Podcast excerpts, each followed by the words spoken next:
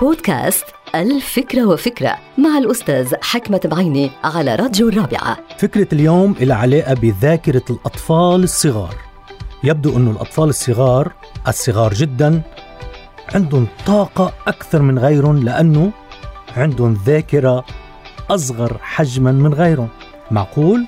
ربما. والسبب أنه لو كانت ذاكرة الأطفال كبيرة لاضطر الأطفال لاستخراج ما في داخل هذه الذاكرة من أحداث وحوادث ومشاكل ومصائب تعيق تحركهم وتفكيرهم وبتحد من طاقتهم وإنتاجيتهم. هذا طبيعي لأن الطاقة بحاجة إلى انسياب والانسياب بحاجة إلى طريق سالكة والطريق السالكة لا يتم تأمينه إلا بإزالة العوائق أمامه.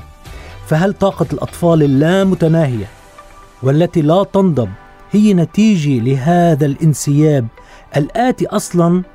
من حجم ذاكرتم الصغيرة. وعدم قدرة هذه الذاكرة على تخزين جميع الصور والأصوات والارتدادات اللي بتعيق تحركهم وتحركاتهم المستمرة.